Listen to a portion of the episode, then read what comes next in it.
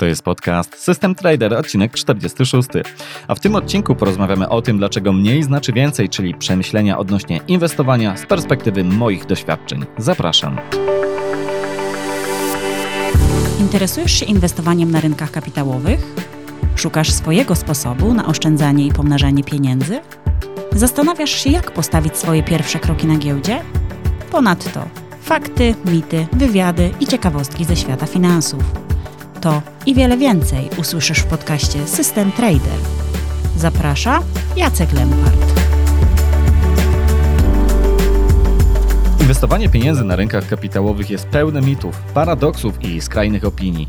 Mamy oto na przykład osoby, które kategorycznie twierdzą, że te wszystkie rynki finansowe to jedna wielka ściema, jedna wielka jaskinia hazardu, bez względu czy ktoś jest krótkoterminowym spekulantem, czy tytułuje się długoterminowym inwestorem kupującym akcje wartościowych spółek.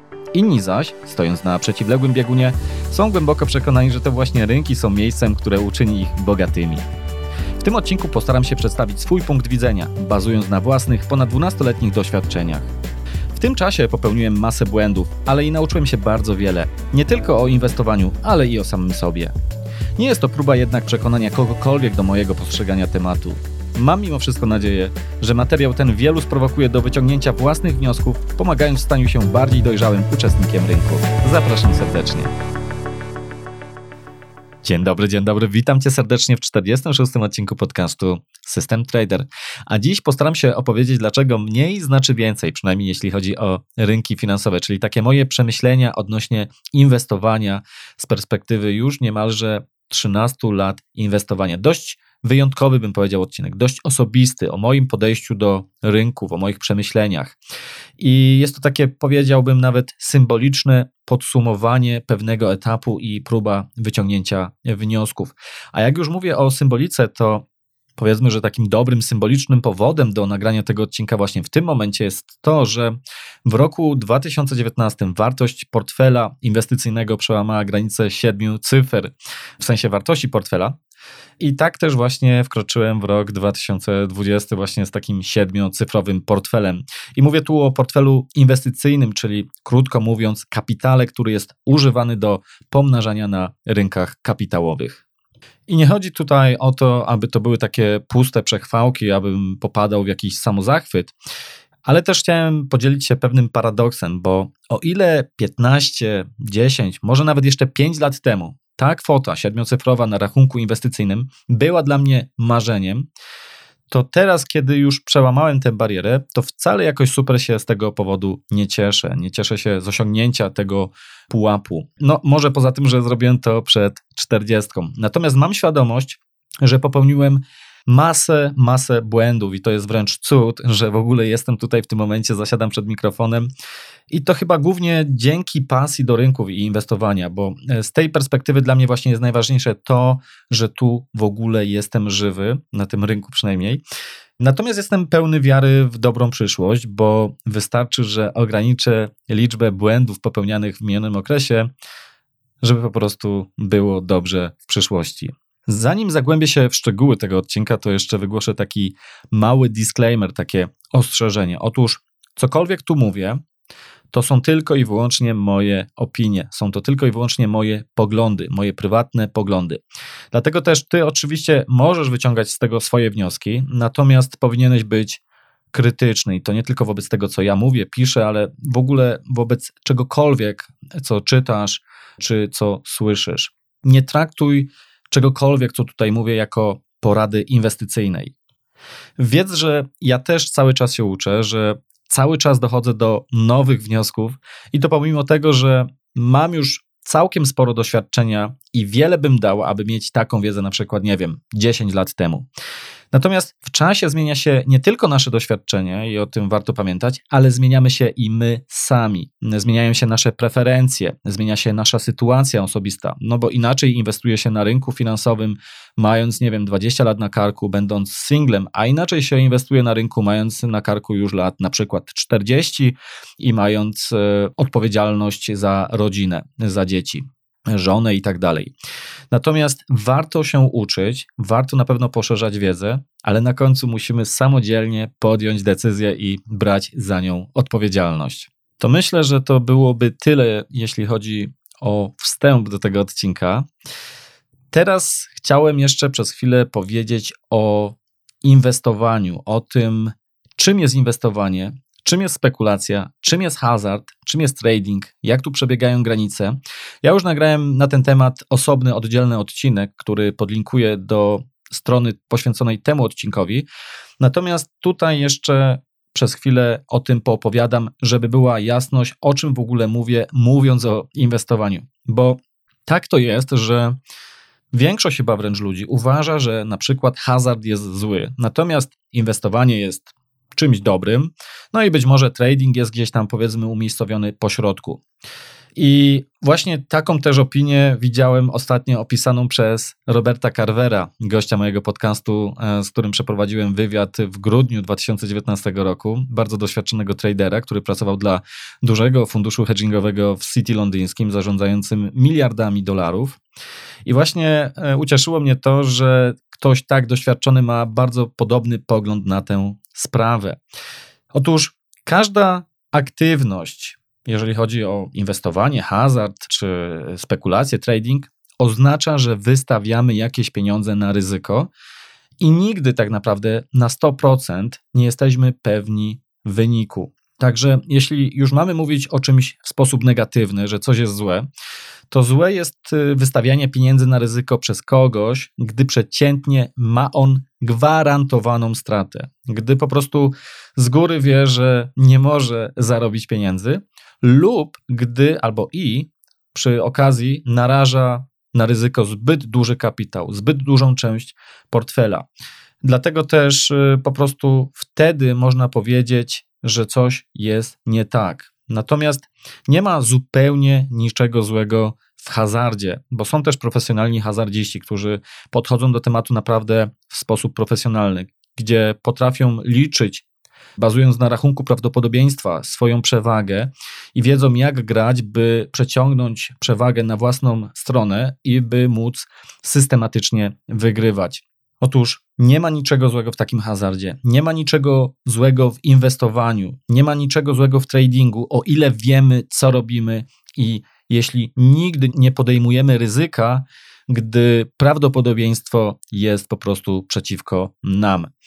Dlatego też, już tak kończąc mój wywód w tym temacie, to, że ktoś na przykład korzysta z analizy fundamentalnej i nie wiem, robi wycenę przedsiębiorstwa i na bazie tego kupuje bądź nie jakąś spółkę do swojego portfela, to to jeszcze takiej osoby nie czyni inwestora.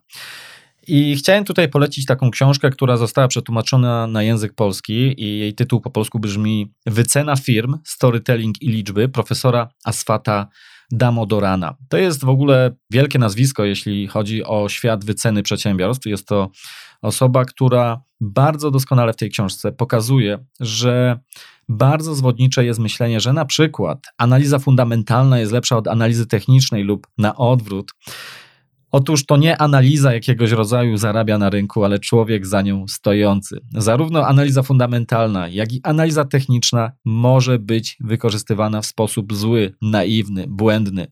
Także to myślę jest dość istotne, aby pamiętać, że tak naprawdę My możemy się nazywać inwestorem, ale to jeszcze wcale nie oznacza, że będziemy skutecznymi inwestorami. Natomiast z drugiej strony może być hazardzista, który będzie miał takie, powiedzmy, taką etykietę do siebie przyklejoną hazardzisty, ale jest profesjonalistą w tym, co robi i on będzie zarabiał w długim terminie, a my jako inwestorzy nie. Dlatego też ja tak do tego tematu podchodzę, sprowadzam to wszystko do twardych liczb, do rachunku prawdopodobieństwa no i cóż, myślę, że dobrze by było, gdyby większość osób faktycznie też tak do tego tematu podchodziła, bo na końcu tak naprawdę liczy się wynik. Zanim przejdę do opowiadania, jak wygląda inwestowanie w moim portfelu jakie mam wnioski odnośnie inwestowania na rynkach e, kapitałowych, to zastanowię się przez chwilę i spróbuję odpowiedzieć na pytanie, czy na rynku można w ogóle zarabiać pieniądze? Czy inwestowanie na rynkach finansowych, na rynkach kapitałowych ma sens?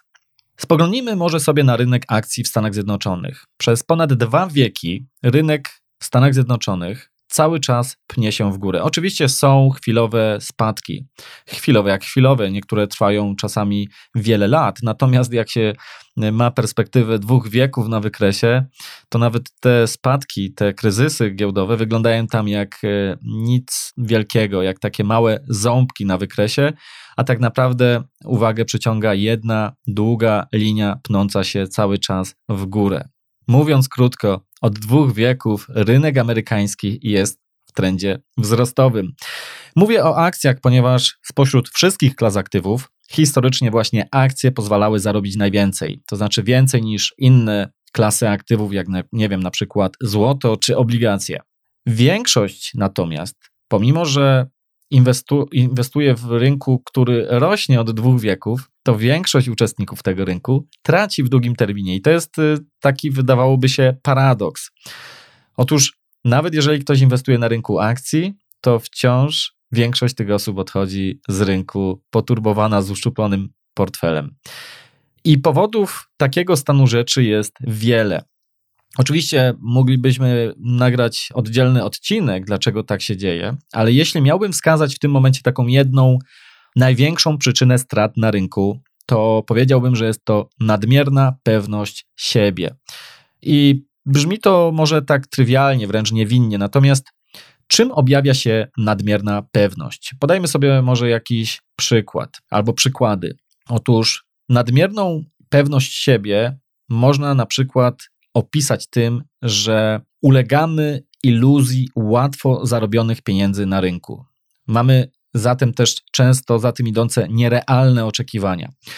I przykładowo Andreas Klenow, gość y, podcastu u mnie w, gdzieś z początkiem roku 2019, nie pamiętam e, dokładnie numeru odcinka, jest to facet, który zarządza półmiliardowym portfelem o wartości pół miliarda dolarów e, w Szwajcarii, ma swój fundusz hedgingowy.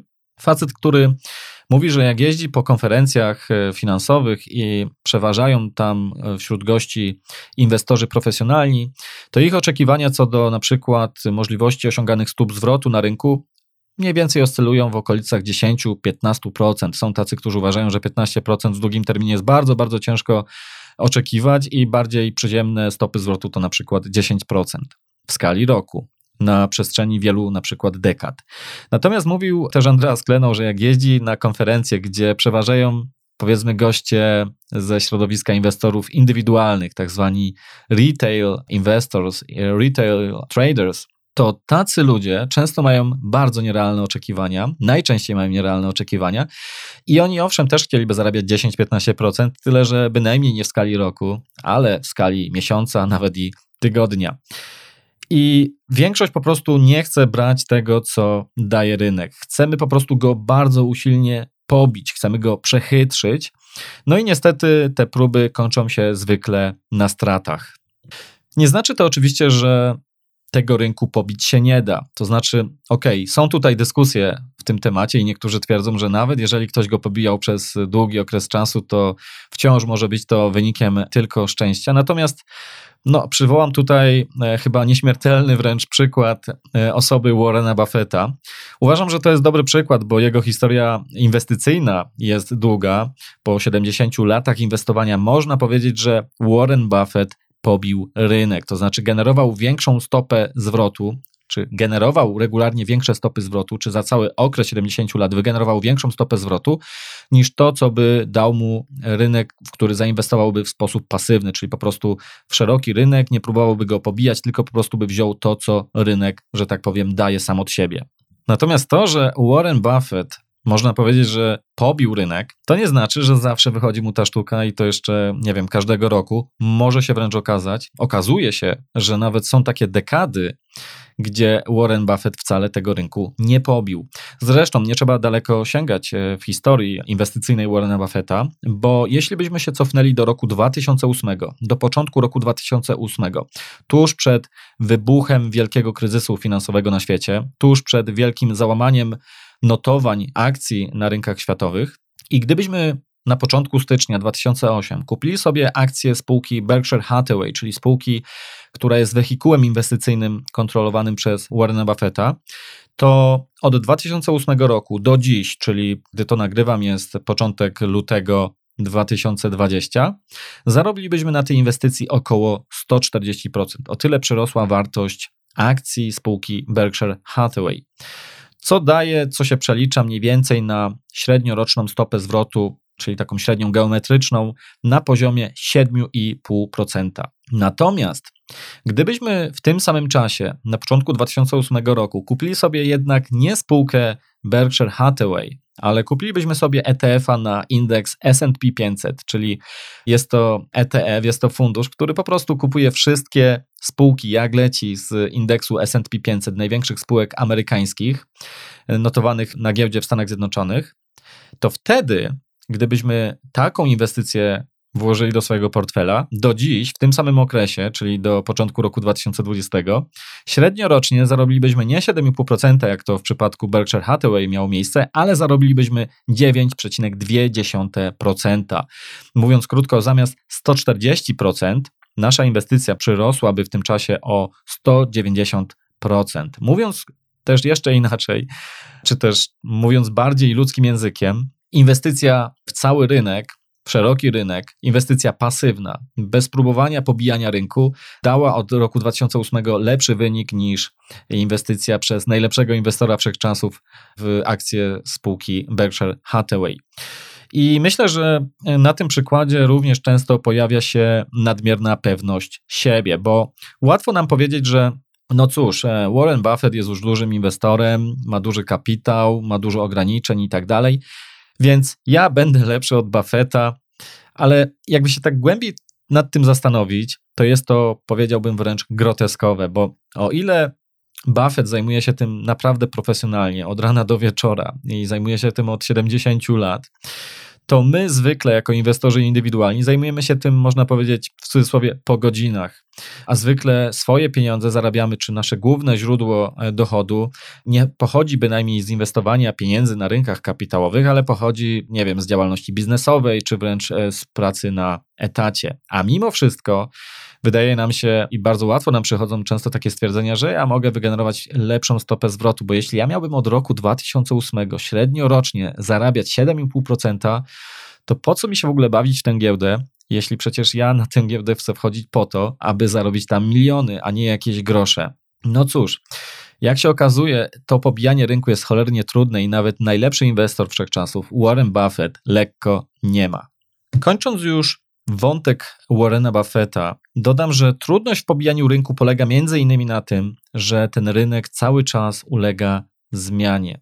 To, co działało dziś, niekoniecznie sprawdzi się jutro albo będzie działać nieco gorzej, albo nawet jeżeli mamy przewagę, która w okresie bardzo długim, nie wiem, liczonym w dekadach daje przewagę, to nie znaczy, że w każdej dekadzie ta przewaga jest tak samo widoczna, tak samo mocna. Dlatego też to jest trudne z punktu widzenia chociażby psychologicznego i większość osób nie potrafi też się adaptować do tych zmian rynkowych. Jest to bardzo trudne i muszę też uderzyć się w pierś, że ja nie ukrywam, że pobijam, pobijam, że staram się pobijać rynek, o czym jeszcze później powiem w tym odcinku, ale też muszę dodać, że przez lata nabrałem bardzo dużo pokory do rynku. Otóż ważniejsze od samego pobicia rynku w rozumieniu zysku na końcu jest dla mnie też ograniczenie i kontrolowanie ryzyka. Czyli jak gdyby tej drugiej strony równania, bo zwykle my mówimy, ile ktoś zarobił pod koniec swojej inwestycji, natomiast nie zastanawiamy się często albo pomijany jest aspekt ryzyka.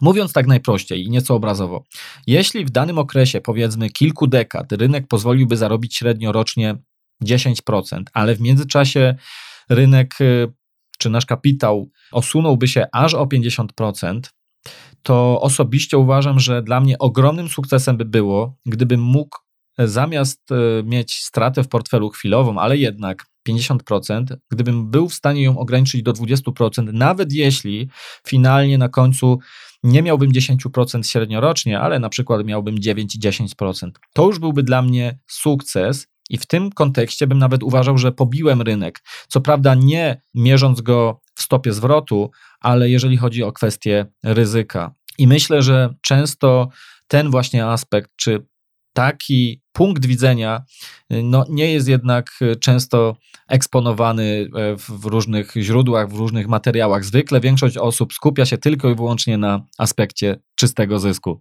Natomiast jest też taka dobra wiadomość, jeżeli ktoś boi się, że nie byłby w stanie pobić rynku, a jest to uzasadniona obawa, bo większość osób nie jest w stanie pobić tego rynku. Ba, powiedziałbym wręcz, że większość osób nie powinna nawet próbować pobijać rynku. Natomiast na szczęście jest coś takiego jak inwestowanie pasywne. To jest coś, do czego naprawdę powinno ograniczyć się większość osób, która wchodzi na rynek kapitałowy. Natomiast na czym to polega? Co tutaj robimy? Jak, jak to w ogóle wygląda? Otóż budujemy, powiedzmy tak w skrócie, bo oczywiście temat jest bardzo szeroki i można by spokojnie o tym nagrać wiele odcinków, ale budujemy stały portfel, który nie ma próbować reagować na zmiany rynkowe, tylko ma na stałe ustalone wagi portfela. Na przykład mówimy sobie, że w naszym portfelu 60% to będą akcje, na przykład SP 500, cały indeks, a 40% będą na przykład ulokowane w jakiegoś ETF-a, na przykład obligacji krótkoterminowych czy średnioterminowych, jakikolwiek.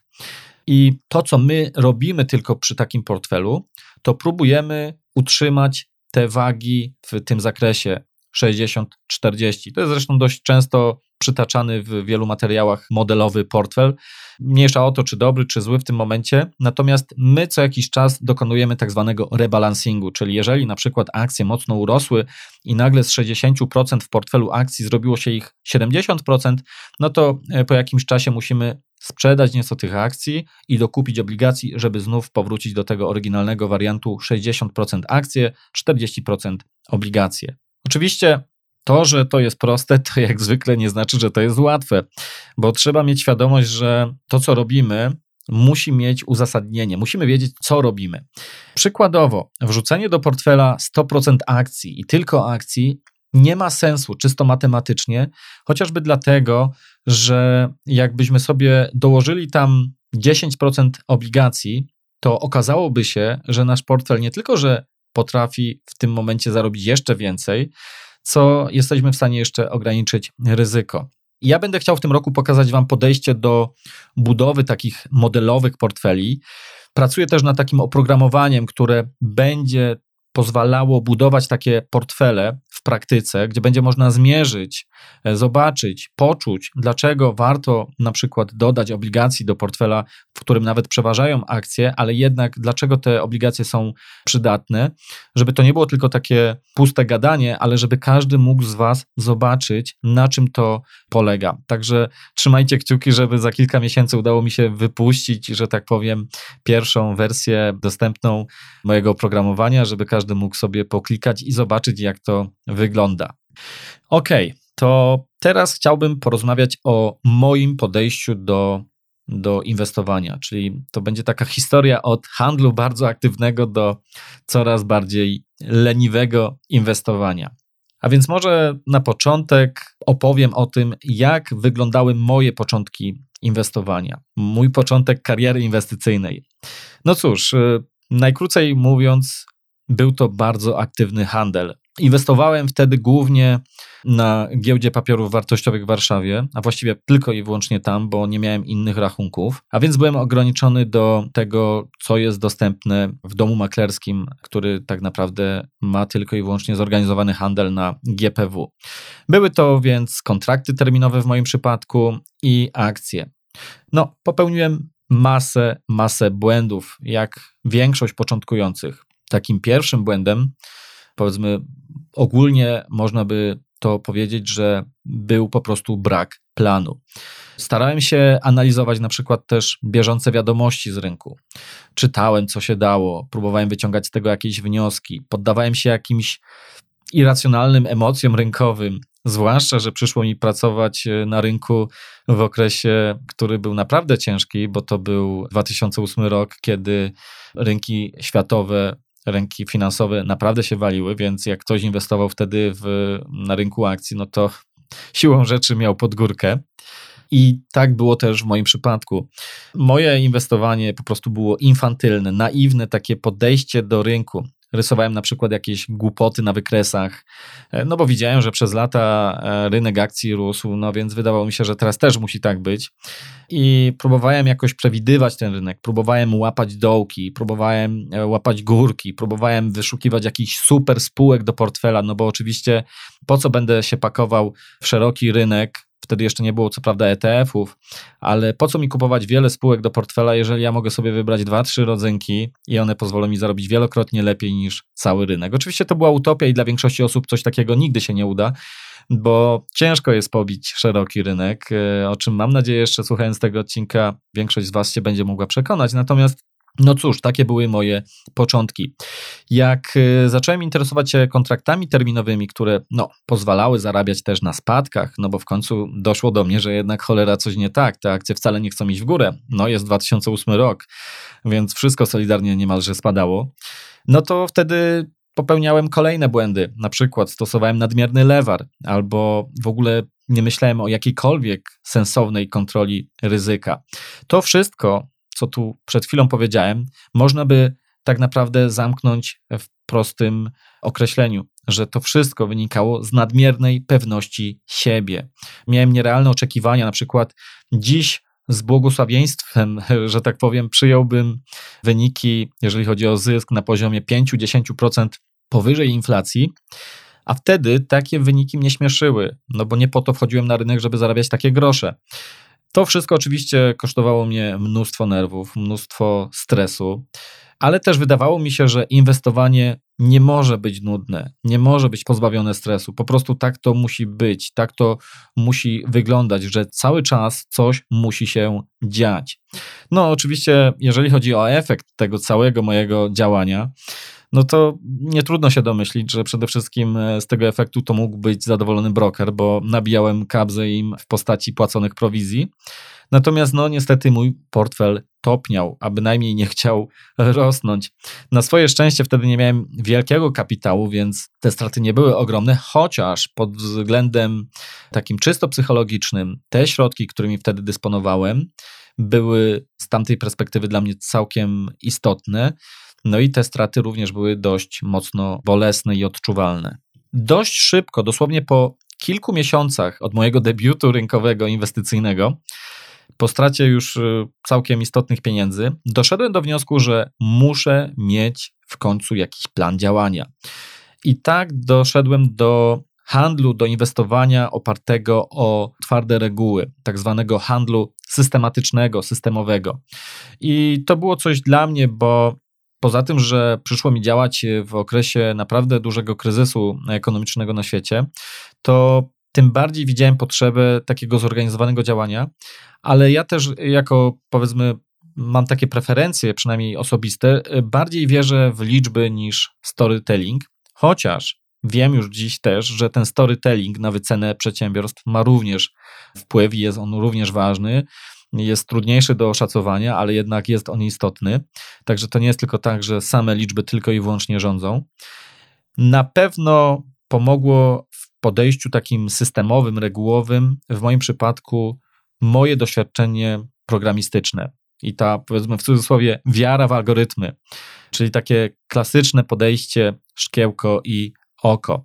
Ale i tu niestety popełniłem wiele błędów, szukając takiej idealnej wręcz strategii. Dlatego też sam moment przejścia na ten handel systemowy, regułowy, wcale od razu nie przeniósł mnie z piekła do nieba inwestycyjnego, ponieważ zacząłem popełniać błędy właśnie, ale że tak powiem, w innym obszarze. I mówiąc tak najkrócej, próbowałem tworzyć takie idealne strategie, które dawały jak najlepsze wyniki, ale tylko i wyłącznie w symulacjach historycznych. No i oczywiście w realu, w rzeczywistości, na realnym, żywym rynku te wyniki były nie do powtórzenia. Także wtedy po prostu jeszcze nie wiedziałem zbyt wiele na temat, jak powinno się modelować rynki, że można to robić z głową i że tak naprawdę, jeżeli chodzi o wykorzystywanie modeli na rynku, to jest to coś, co mógłbym absolutnie z czystym sercem polecić większości osób, a być może wręcz każdemu. To znaczy, inwestowanie takie intuicyjne w moim mniemaniu jest zarezerwowane naprawdę dla bardzo niewielkiej garstki ludzi. Ale to jest moja opinia. Na moje nieszczęście wtedy nie doceniałem też takiego podejścia długoterminowego, jeżeli chodzi o inwestowanie.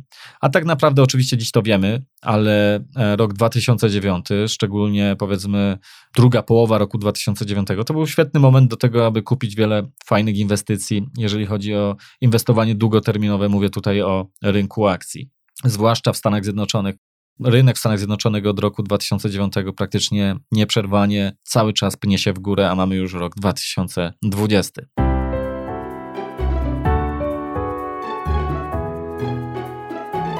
No dobrze, to tak było. A jak obecnie wygląda moje inwestowanie?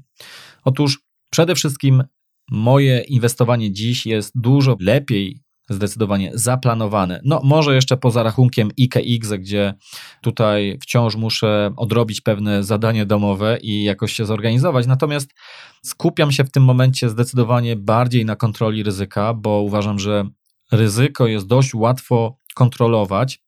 Czyli to my decydujemy, ile tego ryzyka chcemy sobie, e, że tak powiem, włożyć na plecy. Natomiast my nie mamy żadnego wpływu na to, co zrobi rynek, czyli taka pogoń za zyskiem jest dość, powiedziałbym, no niezdrowa wręcz, bo my zwyczajnie mówiąc nie mamy jak panować nad rynkiem i nie możemy zdecydować, czy jeżeli inwestujemy na rynku akcji, czy ten rynek będzie rósł. Natomiast jeśli nasza strategia jest e, zbudowana dla rynku akcji, a rynek mimo wszystko nie rośnie, to my, mając ryzyko pod kontrolą, jesteśmy w stanie wyjść nawet w takim niedobrym dla takiej strategii okresie obronną ręką. Jeśli chodzi o moje strategie inwestycyjne, to posiadam nadal takie krótkoterminowe strategie w swoim portfelu, czyli strategie, które otwierają pozycje na kilka dni. Natomiast stanowią one w tym momencie już powiedziałbym margines Miałem ich w przeszłości całkiem sporo, kilkanaście, może nawet kilkadziesiąt w pewnym momencie. Natomiast nawet część tych strategii automatyzowałem, czyli można powiedzieć tak obrazowo dla osób, które są mniej doświadczone, to komputer w moim imieniu kupował i sprzedawał na rynku różne walory, głównie kontrakty terminowe. Teraz zredukowałem właściwie takie moje podejście krótkoterminowe do jednej, być może niebawem wkrótce jeszcze dołączę tutaj drugą strategię. Jeżeli chodzi o jedną strategię, to coś podobnego opisywałem u siebie na blogu, podlinkuję do strony tego odcinka, gdzie można znaleźć opis tej strategii.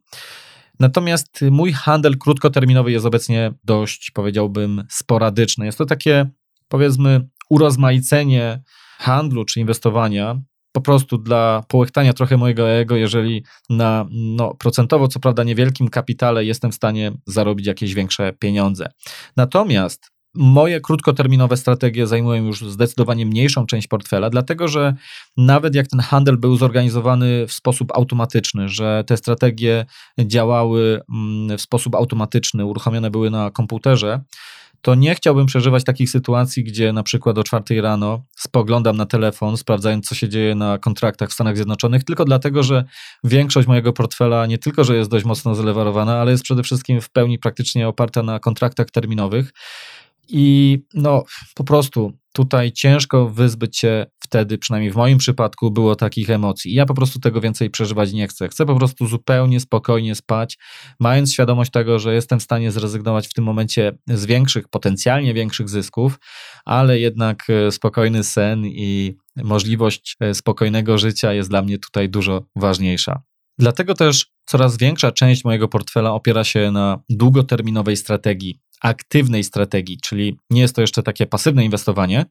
Jest to strategia, która no, mówiąc najkrócej, żeby tutaj nie wchodzić w detale, jest bardzo podobna do tego, co opisywałem w ramach y, strategii GEM, Global Equity Momentum, czyli momentum globalnego rynku akcji. Jest to strategia długoterminowa, która ma w portfelu albo akcje, albo obligacje, ale jednak jest tutaj dynamiczna zmiana tego portfela w zależności od tego, co się dzieje na rynku. Czyli jest tutaj próba pobijania tego rynku, natomiast opiera się na anomalii ta strategia, która jest bardzo dobrze rozpoznana przez środowisko akademickie, między innymi również przez profesora Eugene Fama, który jest twórcą hipotezy rynku efektywnego, który twierdzi, że rynki są efektywne i praktycznie no, jest niemożliwym, aby je pobić, ale nawet on przyznaje, że anomalia momentum na rynkach istnieje, jest to wręcz najważniejsza anomalia i jest to bardzo ciekawy w ogóle temat, Jeżeli ktoś jest zainteresowany, na czym polega taka strategia, to zapraszam na swoją stronę internetową, gdzie bardzo dokładnie opisałem w detalach taką strategię. Zresztą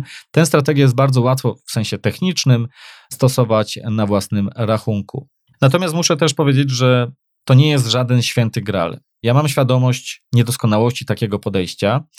Przygotowaniu mam też jeszcze inne strategie długoterminowe, oparte właśnie na rynku akcji i też również oparte między innymi na e, anomalii momentum. Natomiast nie wiem jeszcze, czy będę stosował to na swoim portfelu. Natomiast takie testy ostatnio przeprowadzam i obczajam tutaj jeszcze różne inne opcje, o czym będę wszystkich informował. Mm, jeżeli chodzi o moje podejście długoterminowe, to jeszcze zastanawiam się nad tym, aby dołożyć do tej części długoterminowej, ale jednak aktywnej, na przykład spółkę typu Berkshire Hathaway, czyli spółkę, o której wspominałem Warrena Buffetta, dlatego że to jest taka dość ciekawa spółka, ponieważ co prawda byłby to portfel oparty wtedy w dużej mierze na jednej spółce, ale ta spółka sama w sobie zawiera portfel wielu innych spółek, bo jest to po prostu wehikuł inwestycyjny Warrena Buffetta. Zamiast kupować więc jakiegoś ETF-a, który jest tak zwanym nawet smart ETF-em, czyli jakoś stara się dobierać tam do portfela, nie wiem, spółki dywidendowe, czy spółki Momentum, czy jeszcze jakieś inne, to tutaj po prostu Myślę, że pewnie po jakimś dużym załamaniu na rynku, po jakimś dużym kryzysie finansowym, byłbym jak najbardziej skłonny podjąć decyzję, aby nawet całkiem dużą część swojego portfela właśnie wykroić do tego, by zaalokować ją w spółkę Berkshire Hathaway. Ale to jest też temat może jeszcze na inną dyskusję. Chodzi mi o to, że o ile duża część portfela oparta jest na anomalii momentum, to tutaj dla odmiany byłaby część portfela oparta między innymi o anomalię tak zwaną value, czyli inwestowania w wartość. I ostatnią część mojego portfela zajmuje tak zwany portfel pasywny. Jest to też portfel długoterminowy. Obecnie jest to nieduży portfel i w tej chwili tam właściwie znajdują się tylko metale szlachetne, konkretnie złoto i srebro, niewielkie ilości oraz obligacje. Natomiast nad tą częścią pasywną portfela planuję jeszcze bardzo mocno popracować. Między innymi przy okazji debiutu mojego programowania będę starał się przedstawić, jak można takie portfele pasywne, długoterminowe projektować, w zależności od potrzeb, od sytuacji, od tego, co chcemy osiągnąć. I jeszcze mam jeden portfel, tak, myślałem, że to już jest koniec, jeżeli chodzi o portfele pasywne. Mam jeszcze jeden portfel, ale to już bardzo symboliczny portfel w ramach usługi robodoradcy Finax, czyli jest to taka usługa, która jest dostępna dla inwestora w Polsce ze Słowacji. Tam, e, ponieważ przeprowadzałem wywiad z osobą z Finaxa, żeby przybliżyć Wam ideę tak zwanego robodoradztwa, robo-advisor, to tam otwarłem taki symboliczny rachunek, dosłownie wpłacając tam 1000 euro, alokując w tym momencie tam chyba 70% obligacji i 30% akcji, jeśli się nie mylę. I to jest tak bardziej dla celów edukacyjnych, to znaczy dla Was, żeby Wam też móc zaprezentować, jeżeli ktoś naprawdę nie chce inwestować samodzielnie, jak można inwestować swoje pieniądze przy pomocy robodoradcy. Także to, jeżeli chodzi o mój portfel pasywny, o ten długoterminowe inwestowanie, to właściwie jest tyle. I tak na koniec jeszcze chciałem powiedzieć, gdzie i w co inwestuję, bo jeżeli chodzi o mój portfel inwestycyjny, to tak jak mówiłem na początku, kiedy zaczynałem swoją karierę inwestorską, to właściwie ona była ograniczona tylko i wyłącznie do GPW, wszystko było w złotówkach i nie wychodziłem poza ten rynek. W tym momencie sprawy mają się już po tych 13 niemalże latach zupełnie inaczej. Większość mojego portfela to portfel powiedzmy zagraniczny. Inwestuję w ramach konta otwartego u brokera o nazwie Interactive Brokers, który jest naprawdę całkiem godnym chyba polecenia brokerem, jeżeli ktoś myśli poważnie o inwestowaniu i nie szuka tam może jakichś bajerów, tylko porządnego narzędzia. Chociaż to, co ja robię, jest bardzo podstawowe, więc ja też nie potrzebuję większości rzeczy, które są w ramach Interactive Brokers, który jest bardzo mocno rozbudowanym brokerem, jeżeli chodzi o narzędzia. Jeżeli chodzi o Interactive Brokers, to handluję tam głównie ETF-ami na akcje, obligacje, towary. Sporadycznie również handluję kontraktami terminowymi, futures. W przyszłości być może jeszcze uruchomię tam portfel oparty na akcje. Jeżeli chodzi o waluty, to tutaj przeważa dolar amerykański. Powiedziałbym, że to teraz jest, jeżeli chodzi o Interactive Brokers, około 70%, a reszta to jest waluta euro. I mam również y, drugi portfel niezagraniczny, polski, nasz tutejszy, na giełdzie papierów wartościowych. E, jest to portfel w tym momencie już tylko i wyłącznie ograniczony do IKE i IGZE. Praktycznie są tam w tym momencie same ETF-y. Mam, tak jak powiedziałem też wcześniej w tym odcinku, do odrobienia tam zadanie domowe, bo tu nadal nie mam takiej dyscypliny, jakiej bym chciał i takiej jednoznacznej strategii. Także tutaj też czekam, czy pojawią się dla naszego rynku jakieś dodatkowe ETF-y, które by pozwoliły zbudować mi bardziej wykwintną strategię inwestycyjną. Teraz zresztą też, jeżeli chodzi o IGZE, można oczywiście inwestować na rynkach zagranicznych, ale jednak chciałbym zbudować na IGZE portfel oparty o polskie aktywa, z tego względu, że ja po prostu mam dużą ekspozycję na zagranicę już e, w ramach konta w Interactive Brokers. I to właściwie tyle z mojej strony, jeżeli chodzi o ten temat. I teraz chciałbym przejść, już tak zamykając ten cały odcinek, do moich wniosków. Oczywiście do wniosków, z którymi ty możesz się nie zgadzać, ale to są moje wnioski, moje przemyślenia i chciałbym tutaj wymienić ich kilka, bo być może dla niektórych one będą również, powiedzmy, no, pomocne. Mój pierwszy wniosek, jaki sobie tutaj wynotowałem, jest dość pozytywny, ale dobrze zacząć od czegoś pozytywnego. I brzmi on tak: na rynku da się zarabiać pieniądze, można zarabiać pieniądze ale przynajmniej w moim przypadku upłynęło naprawdę kilka lat, zanim byłem w stanie powiedzieć coś takiego z pełnym przekonaniem, z ręką na sercu. Kolejny wniosek jest taki, że i może powinienem było o tym powiedzieć też e, jeszcze na samym początku, że jeżeli chodzi o inwestowanie na rynkach kapitałowych, to powinniśmy tam inwestować swoje nadwyżki finansowe. Otóż rynek to nie jest maszynka do robienia pieniędzy w sytuacji, gdy na przykład nam brakuje tych pieniędzy, i większość z nas pieniądze zwykle będzie zarabiać w jakimś innym miejscu, czy to na etacie, czy w e, jakimś biznesie. Natomiast my nie będziemy inwestować i traktować tego jako biznes w tym sensie, że będziemy pomnażać też pieniądze innych ludzi i z tego tytułu skalując tę naszą inwestycję, będziemy zarabiać na tym jak na biznesie. My będziemy zwykle tam pomnażać swoje własne, prywatne środki, dlatego też trzeba o tym pamiętać i trzeba pamiętać, że nie powinniśmy tego traktować jako jakiś wehikuł do zarabiania pieniędzy w sytuacjach podbramkowych, kiedy nam pieniędzy brakuje, bo takie historie bardzo zwykle źle się kończą.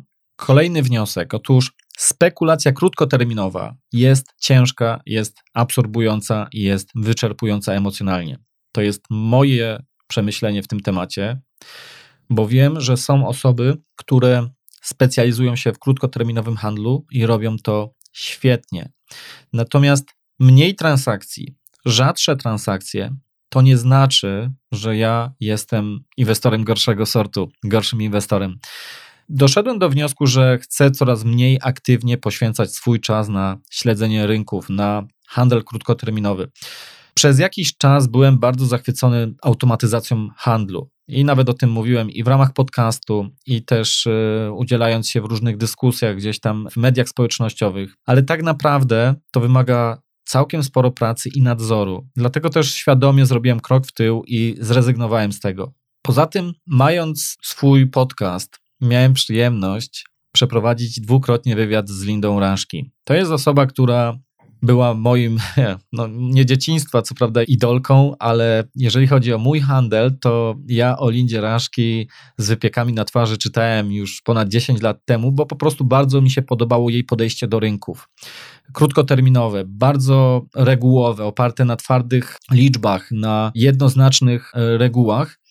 Natomiast rozmowy z nią, nawet takie prywatne, pozwoliły mi zrozumieć, że handel krótkoterminowy to nie jest coś dla mnie. Po prostu ja wiem, że czytając o Lindzie Raszki wcześniej i analizując to, co robi, to nie widziałem pełnego obrazu. Otóż ona na rynku spędza średnio w tygodniu 60 godzin. To znaczy nie samemu rynkowi, ale też i e, przygotowaniu się do tego rynku. Natomiast to jest ten poziom zaangażowania się w handel krótkoterminowy. 60 godzin tygodniowo, półtorej etatu można powiedzieć. I ja wiem, że to nie jest coś, co ja chcę robić. Ja nie wiem, czy nawet byłbym w stanie tak robić to dobrze kiedykolwiek jak Linda Raszki, ale ona jest nie bez powodu jednym z bohaterów książki Jacka Schweigera Market Wizard, czyli Czarodzieje Rynku. Ona naprawdę jest czarodziejem rynku, bo przez niemalże 40 lat handlu na rynku miała tylko jeden stratny rok i to na początku swojej kariery. Natomiast jest to okupione naprawdę tytaniczną pracą Zresztą, jak już mówię o Lindzie Raszki, to oczywiście zachęcam każdego do wysłuchania swoich wywiadów z Lindą. Jeden wywiad jest przetłumaczony, także nawet jeżeli ktoś nie za bardzo czuje się e, dobrze z językiem angielskim, to może sobie na spokojnie go przeczytać. Ale konkluzja mojego wywodu jest taka, że łatwiej z mojej perspektywy, i to jest mój wniosek, że łatwiej jest inwestować długoterminowo niż krótkoterminowo. Jest to po prostu mniej angażujące, pomaga wyciszyć emocje, ja obecnie czasami nawet przez y, tydzień, dwa nie śledzę kompletnie rynków. Nie wiem, co się na tych rynkach dzieje, w tym sensie, że jakby mnie ktoś zapytał, gdzie jest SP 500 albo WIG20, to ja po prostu nie wiem. Nie interesuje mnie to. Znaczy, jeżeli pojawiają się jakieś sytuacje, które mm, chcę wykorzystać krótkoterminowo, to dostaję alert mailowy na ten temat, bo po prostu tak to sobie zorganizowałem. Natomiast ja nie chcę na co dzień śledzić tego rynku. No oczywiście, jak mam już otwartą tą krótkoterminową pozycję, to wtedy jest troszkę emocji, ale to są bardzo niewielkie pozycje i to robię wtedy z taką przyjemnością, bo to jest takie coś, gdzie mogę się spróbować i gdzieś, gdzie wiem, że mam przewagę i wchodzę na ten rynek w takich sytuacjach bardzo już konkretnych i wiem, po co tam wchodzę, co nie znaczy, że zawsze wychodzę z zarobionymi pieniędzmi, ale z bardzo dużym prawdopodobieństwem ugrania czegoś dla siebie.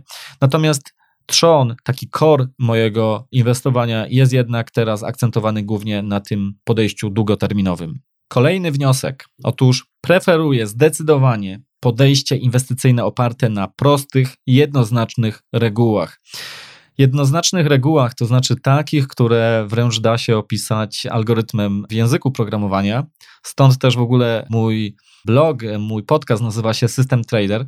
Dlatego też, że zresztą planowałem nagrywać jakieś anglojęzyczne wywiady, to powiedzmy ta nazwa jest powiedzmy też zrozumiała na zewnątrz, natomiast wiem, że takie podejście, proste podejście, czyli nie jakieś przekombinowane, zrobi o wiele lepszą robotę większości inwestorów niż próba intuicyjnego pobijania rynku. Mówiąc krótko, inwestowanie intuicyjne, takie na wyczucie, mi osobiście nie leży i wątpię, bym mógł pobić zestaw prostych reguł w czasie swoją inteligencją i swoim, swoją próbą wyczucia rynku. Kolejny wniosek. Rynek jest ostateczną instancją. Otóż rynku nie interesuje to, czy mamy rację, czy jaka była motywacja zajęcia naszej pozycji. I lepiej nie próbować rynkowi narzucać naszej wizji i naszego chcieństwa takiego, ponieważ rynek naprawdę ma to zwykle w nosie, tym bardziej jak jesteśmy jakimś niewielkim graczem. Ostatnio w internecie dużo się mówiło o tym, że niektóre osoby usilnie shortują, czyli grają na spadki spółki Tesla. I to od pułapu gdzieś tam 300 dolarów, a od tamtego czasu Tesla urosła już gdzieś tam w okolicach, jak nagrywam ten odcinek, 800 dolarów. I to tylko po to, żeby udowodnić, że to ja mam rację, a rynek się myli. I nawet jak rynek potrafi wyciągnąć spółkę Tesla na 800 dolarów, to po to, żeby później runąć w przepaść i spadnąć, i żeby mógł powiedzieć: No i co z tego, że to urosło, ja miałem rację. Nie wiem, mnie coś takiego kompletnie nie interesuje. Oczywiście ja nie chcę w czambu wszystkich y, potępiać, którzy próbują w ten sposób podchodzić do rynku, bo być może potrafią jakoś wypracować swoją przewagę. Nie wiem, dla mnie to jest y, coś dość mocno kuriozalnego, a już na pewno coś, co po prostu nie koresponduje z moim podejściem i moim rozumowaniem inwestowania na rynku. Kolejny wniosek. Chcę rozwijać pasywną część portfela. Tak sobie tutaj wynotowałem w punkcie. Otóż nie wstydzę się tego, że chcę również inwestować pasywnie. Ktoś może powiedzieć, że to jest tak dla cieniasów. Tak naprawdę ja uważam, że w większości przypadków jest odwrotnie. To znaczy, ci, którzy chcą aktywnie pomnażać pieniądze, to są na końcu cieniasami, niestety, bo po prostu z tym rynkiem przegrywają i dostają od niego łomot. Niestety, statystyka tutaj nie kłamie.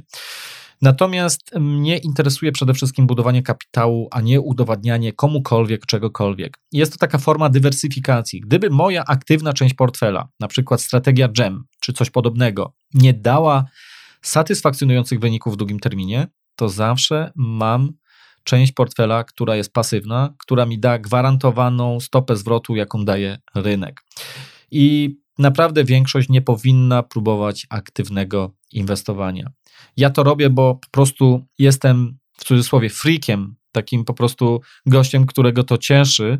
Jest to moja pasja lubię modelować rynki, ale robię to obecnie z dużą ilością pokory, bez uganiania się za mitycznym czy jakimś idealnym rozwiązaniem, jakąś idealną, najlepszą strategią, takim jedynym prawdziwym równaniem, które rozpracowywuje rynki i ono potrafi ciągle zarabiać dla nas pieniądze. Kolejny wniosek. Nie jestem przekonany do samodzielnego stosowania analizy fundamentalnej. To oczywiście nie znaczy, że ty nie możesz. To jest mój wniosek. Nie wydaje mi się, że mogę na przykład lepiej niż Buffett na bazie analizowania wyceny spółek dobierać te spółki do swojego portfela. Dlatego też nie wykluczam, jak już mówiłem wcześniej, że kiedyś w przyszłości kupię sobie na przykład spółkę BRK, czyli Berkshire Hathaway, po jakichś dużych spadkach. Natomiast ja sam nie będę starał się tutaj specjalizować w analizie fundamentalnej, bo to nie jest w obszarze moich kompetencji. W obszarze moich kompetencji jest modelowanie rynku, stosując nieco inne podejście. Ok, lećmy dalej, bo już mi w gardle zasycha. Uważam, i to jest taki mój wniosek, który teraz mogę powiedzieć z pełnym przekonaniem, ale jeszcze, nie wiem, 5-10 lat temu prawdopodobnie tak nie myślałem. Otóż nie trzeba być super inteligentnym, nie trzeba mieć jakichś, nie wiem, cudownych darów od Boga, które pozwolą nam pomnażać pieniądze na rynku. Można wręcz być przeciętniakiem. Natomiast trzeba być zdecydowanie cierpliwym i podążać za obranym planem, czyli przede wszystkim trzeba mieć ten plan. I to jest, myślę, ważniejsze, posiadać ten plan, niż szukanie tego idealnego, jedynego planu i skakanie z kwiatka na kwiatek pochłonięte. To wszystko jest w jakimś chaosie i w ogóle nie potrafimy iść do przodu według obranej strategii, tylko będziemy cały czas starać się coś ulepszać. I żeby to też nie było źle zrozumiane. Oczywiście, że należy się rozwijać, ale nawet to rozwijanie swojego portfela powinno być w jakiś usystematyzowany sposób, a nie tylko chaotyczne, dlatego że o, tu straciłem, no to teraz spróbuję jeszcze tu sobie zmienię to, to teraz może zacznę zarabiać i będziemy to robić na żywym organizmie. No niestety, jeżeli będziemy to robić bardzo długo, to jest ryzyko, że taki pacjent po prostu umrze. Kolejny wniosek, nawiązując nieco do tego, o którym teraz mówiłem, lepiej skupiać się na procesie, na wykonywaniu planu. Otóż, o ile możemy kontrolować moment budowy strategii i możemy kontrolować to, czy my podążamy za tą strategią, o tyle my już samego rynku czyli co ten rynek zrobi, kontrolować nie możemy. Dlatego powinniśmy skupić się na kontrolowaniu tego, co jest kontrolowalne, czy jest y, w zasięgu kontroli, a powinniśmy sobie odpuścić próby kontrolowania czegoś, czego kontrolować nie możemy, czyli rynku. Ze świata zawsze będą płynąć jakieś różne informacje o różnych zdarzeniach, będą jakieś wojny, epidemie, żywioły, nie wiem, jakieś afery, ale to wszystko nie powinno mieć wpływu na realizowanie strategii. I dlatego mój wniosek jest taki, że po to ja mam strategię, żeby móc właśnie podejmować decyzje z taką trzeźwością i to właśnie w takich sytuacjach podbramkowych, w sytuacjach takiego dużego napięcia rynkowego. Posiadanie twardego planu jest bardzo pomocne. Natomiast też nigdy nie wyobrażam sobie, aby sugerować się i podejmować na bazie tego jakieś decyzje inwestycyjne, sugerować się cudzą analizą, czy wręcz jakimiś przepowiedniami, czy też wierzyć w jakieś, nie wiem, e, teorie spiskowe i tak dalej, i tak dalej. No nie, my musimy wszystko robić na rynku samodzielnie, dlatego trzeba mieć naprawdę ten plan i za nim podążać. On nie musi być od razu idealny. Możemy go później w czasie usprawnić, ale musimy mieć ten plan. I ostatni wniosek, jaki sobie tutaj wynotowałem, to to, że nie warto próbować przewidywać, co zrobi rynek. Nikt tak naprawdę przyszłości nie zna. Nikt. Jak zapytacie Warrena Buffetta, gdzie będzie SP 500 za miesiąc, za tydzień, nie mówiąc dużo roku, to on też nie będzie wiedział, po prostu on tego nie wie, nikt tego nie wie. Oczywiście, jak będzie tam odpowiednia ilość y, osób y, próbowała przewidywać, to ktoś trafi. Oczywiście później łatwo można z tego zrobić niezłą historię i opisać, o, on przewidział krach, on przewidział to, tamto, siamto. No to niech zrobi to wielokrotnie z rzędu, to wtedy faktycznie zastanowię się, cholera, jak on to robi. Natomiast tak naprawdę no, nie ma sensu próbować przewidywać czegoś, co jest nieprzewidywalne. Jest w nas taka chęć odgadnięcia przyszłości, ale to jest naprawdę utopia, jest to miraż. I tym bardziej nie ma w tym kontekście sensu wyprzedzanie rynku, na przykład przewidując, że coś spadnie, chociaż obecnie akcja jest w mocnym trendzie wzrostowym, ale ja jeszcze nie będę czekał, aż ten trend się załamie, tylko po prostu już wejdę na krótką pozycję, już będę starał się zarabiać na spadkach na tej akcji, ponieważ mi się wydaje, że ta spółka jest przewartościowana, albo coś tam jeszcze, i już będę grał na spadki i będę się jeszcze upierał przy swojej decyzji. No, to jest coś, co w moim odczuciu jest bardzo złe. To jest moja opinia, to jest tylko mój wniosek. Ktoś może się z tym oczywiście nie zgadzać, może mieć opartą swoją strategię na czymś innym niż ja i na tym dobrze wychodzić. Ja tego absolutnie nie wykluczam. Nie wykluczam, że ja jedyny mam na tym świecie rację, natomiast y, do mnie to zupełnie nie przemawia. Ok, to myślę, że to na tyle będzie, jeśli chodzi o dzisiejszy odcinek. Bardzo dziękuję za uwagę. Mam nadzieję, że nieco byłem w stanie tutaj nakreślić, jak wygląda inwestowanie w moim własnym prywatnym portfelu. Mam nadzieję, że niektóre rzeczy są dla Ciebie już y, jaśniejsze. Być może zainspirowałem Cię, czy zainteresowałem pewnymi tematami. Na stronie systemtrader.pl ukośnik 046, czyli tak jak numer tego odcinka, tam będzie znajdował się zapis tekstowy tego, o czym dzisiaj mówiłem, czyli transkrypcja tego podcastu. Będą też dodatkowe materiały, linki, odnośniki do innych materiałów, o których wspominałem, tak żeby ten materiał był jeszcze pełniejszy. No i cóż, y, jak zwykle zapraszam do komentowania tego odcinka, między innymi na Apple Podcasts, bo to jest coś, co pozwala mi wtedy docierać do szerszej publiczności, do jeszcze większej liczby słuchaczy. Także jeżeli uważasz, że to, co tu mówię, to, co robię, przedstawia dla ciebie wartość, to będę bardzo, bardzo wdzięczny, jeżeli będziesz mógł, nie wiem, wystawić mi opinię w Apple Podcast albo zalajkować gdzieś na YouTubie, czy skomentować ten odcinek u mnie na stronie internetowej bo to wszystko powoduje, że ten podcast będzie mógł się nieść w świat jeszcze bardziej. No i ja też będę miał motywację do tego, żeby to, co robię, robić jak najlepiej i robić jeszcze dłużej i jeszcze tego robić dla Was więcej.